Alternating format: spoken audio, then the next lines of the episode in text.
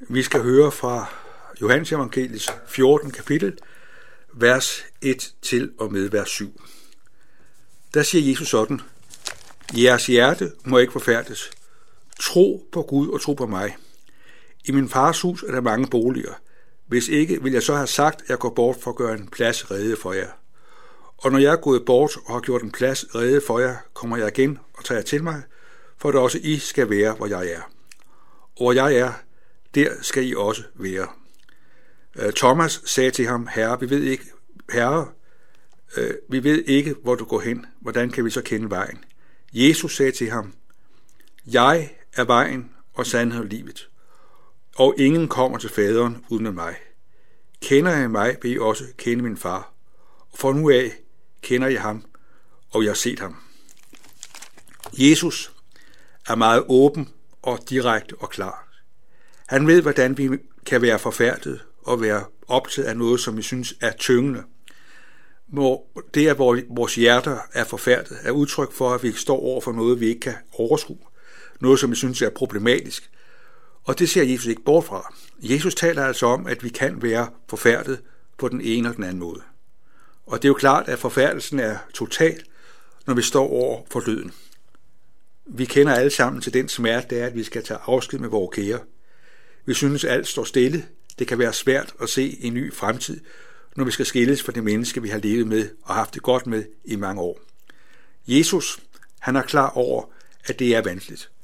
Ind i den sammenhæng, der peger Jesus på sig selv og siger, tro på Gud og tro på mig. Jesus siger, at det er det, der kan skabe en ny dagsorden, en ny virkelighed. Det er, at vi får lov til at leve vores liv i tillid til Gud. At Gud er den, der ved os. Gud er den, der ønsker os. Han kommer til os gennem sin søn. Og det, som er det befriende, det, som er så forløsende, er jo, at Jesus Kristus selv er gået ind i døden.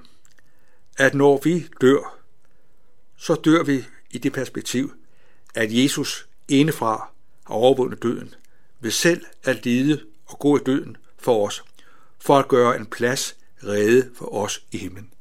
Det er perspektivet. Før øh, den gamle statsminister Paul Hartling døde, blev han spurgt, om han var bange for at dø. Han tænkte sig om og sagde, det er jeg ikke, fordi når jeg dør, er det indgangen til den nye virkelighed, til den nye verden. Det er jo virkelig perspektivet. Og der tror jeg, det er vigtigt, at vi må se i øjnene, at vores liv her på jorden er begrænset.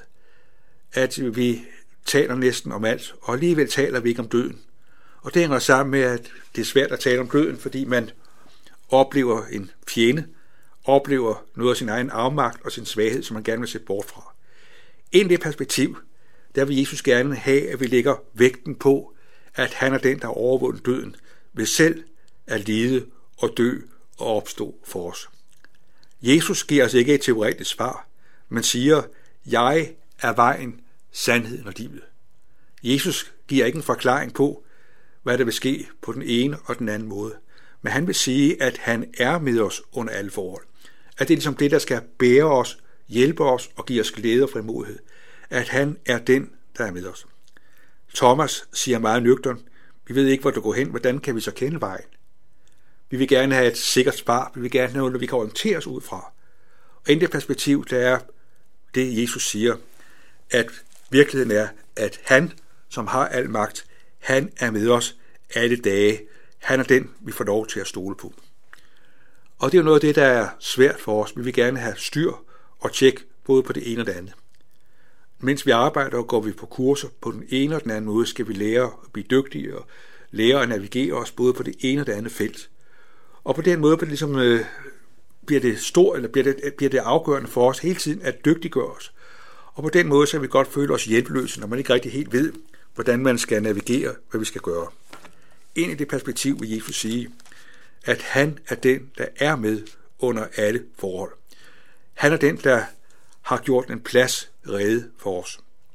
Tænk, at Jesus han var den, der indefra overvundt, overvandt døden ved selv at lide og dø. At derfor får vi lov til at møde døden som en overvundet fjende. Vist er døden en fjende. Vist kan det være svært at skulle jagtage og skulle forstå, at man skal tro. at dø, men det som er det befriende, er jo, at døden er en overvundet fjende. At døden kan nok mærke os, døden kan nok sætte det sidste punkt som her på jord, men efter døden er der en evig fortsættelse igennem troen på Jesus Kristus. Det er det, som kan give os glæde og frimodighed. Og Jesus han øh, ser altså, hvordan vi kan være forfærdet. Og disciplene var jo i den her grad særligt forfærdet, fordi Jesus skulle lide og dø. For dem synes de, det var helt umuligt, at Jesus, Guds søn, skulle lide og dø. Vi hører om, hvordan Peter på disciplenes vegne reagerer og siger, at det kan da ikke være meningen, at du skal dø. Men Jesus siger, at det er netop gennem hans ledelse og hans død, at døden bliver overvundet. At Jesus han øh, går ind i døden for at overvinde døden for os. Han kommer til os, for at vi kan leve sammen med ham.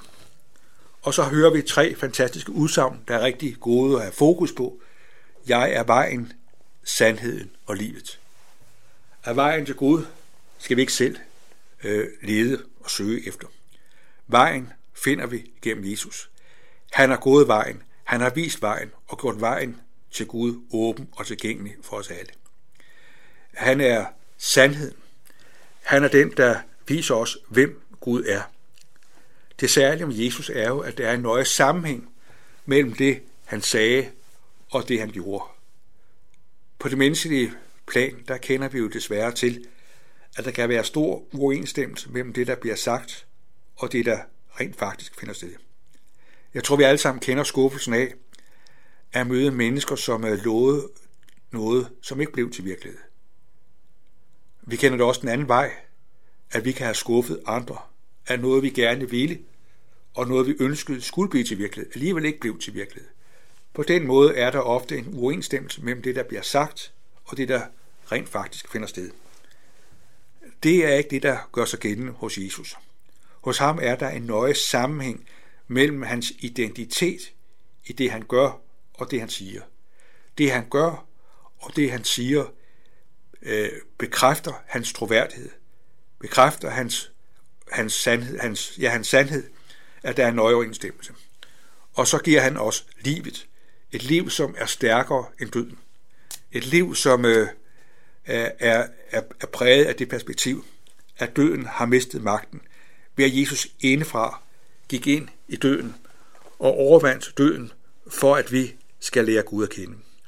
Og derfor er perspektivet, at når vi kender Jesus, så kender vi også Gud. Hvem er Gud? Svaret giver Jesus. Jesus er et med faderen. Alt, hvad Jesus siger, alt, hvad Jesus har gjort, står Gud bag, står Gud med i. Derfor er det afgørende, at vi til stadighed hører, hvad Jesus siger, og lader det, han siger, får plads i vores sind og vores bevidsthed, sådan at det, han siger, får lov til at skrive en dagsorden i vores liv. At han er med, han går med og leder og fører og følger os under alle forhold. Livet, det må leves. Øh, livet må leves dag for dag. Teori og viden kan være godt og rigtigt på mange måder. Men det afgørende i livet er jo ikke bare det, du ved, men at du lever livet. Og le- livet må leves hver dag. Sådan er det også i det åndelige forhold. At forholdet til Gud, forhold til Jesus, er afhængig af, at det Jesus siger, og det Jesus har gjort, får plads i vores liv. At det Jesus siger til stadig får lov til at skinne og lyse i vores liv. Ikke som en pligt, men som en befrielse. Jesus taler om, at vi må tro på Gud og tro på mig. Der er det særlige med tro og tillid. Tro og tillid er jo ikke en personlig egenskab eller evne. Tro og tillid er altid en andens fortjeneste. Hvis jeg skal tale om et forhold til min kone, så vil jeg jo ikke sige, at jeg er fantastisk, at jeg har tro og tillid til min kone. Men jeg vil sige, at jeg synes, at jeg har en hustru, der er troværdig, der er elskværdig i ordets bedste forstand. En, jeg kan regne med, en, jeg kan stole på. Det er hendes måde at være på. Det er hendes måde at agere på, der gør, at jeg har tro og tillid til hende. Sådan er troen altid en andens fortjeneste. Du møder en, som er elskværdig. Du møder en, som er troværdig. Og det gør, at du derefter får tillid til vedkommende. Og sådan er det også i forholdet til Gud. At ved at du hører, hvad Gud siger, og hører, hvad Jesus har gjort, og tager det ind over dig, der bliver tilliden en gave, en frimodighed. Tænk, du får lov til at stole på Gud og tro på ham under alle forhold. Det er det, Jesus peger på, sådan at han får lov til at være vores herre og frelser, som leder og fører os under alle forhold. Alt, hvad vi møder, møder vi ikke alene. Vi møder det sammen med ham, der levede og døde og opstod for os, og som går i forbøn for os. Her finder vi vejen til et trygt liv i en verden, der kan møde os med sygdom og vanskeligheder på den ene og den anden måde. Og som kristne bliver vi ikke fritaget. Det er jo ikke sådan, at man som kristen bliver fritaget for sygdom og lidelse. Man får lov til at møde det i vidsen om, at Gud er den, der er med og går med under alle forhold. Amen. Lad os takke og bede. Himmelske Far, vi takker dig, fordi vi får lov til at komme til dig. Tak fordi du har banet en adgang og en vej til os til himlen. Vi takker dig, Jesus, fordi du, led, du levede og døde og opstod for os. Vi beder om, at det, som du siger, til stadighed må få plads i vores liv. Og så ser du alt det, vi møder i hverdagen, kan tårne sig op, så det, du siger, bliver så teoretisk og fremmed. Men vi beder om, at du ved din gode helligånd og noget af det, du siger, får lov til at skabe tillid og tro til os. Vi beder om, at du må være os nær i dag. Giv os det, du ser, vi har brug for, og vær du nær ved de mennesker, vi skal være sammen med i dag. Amen.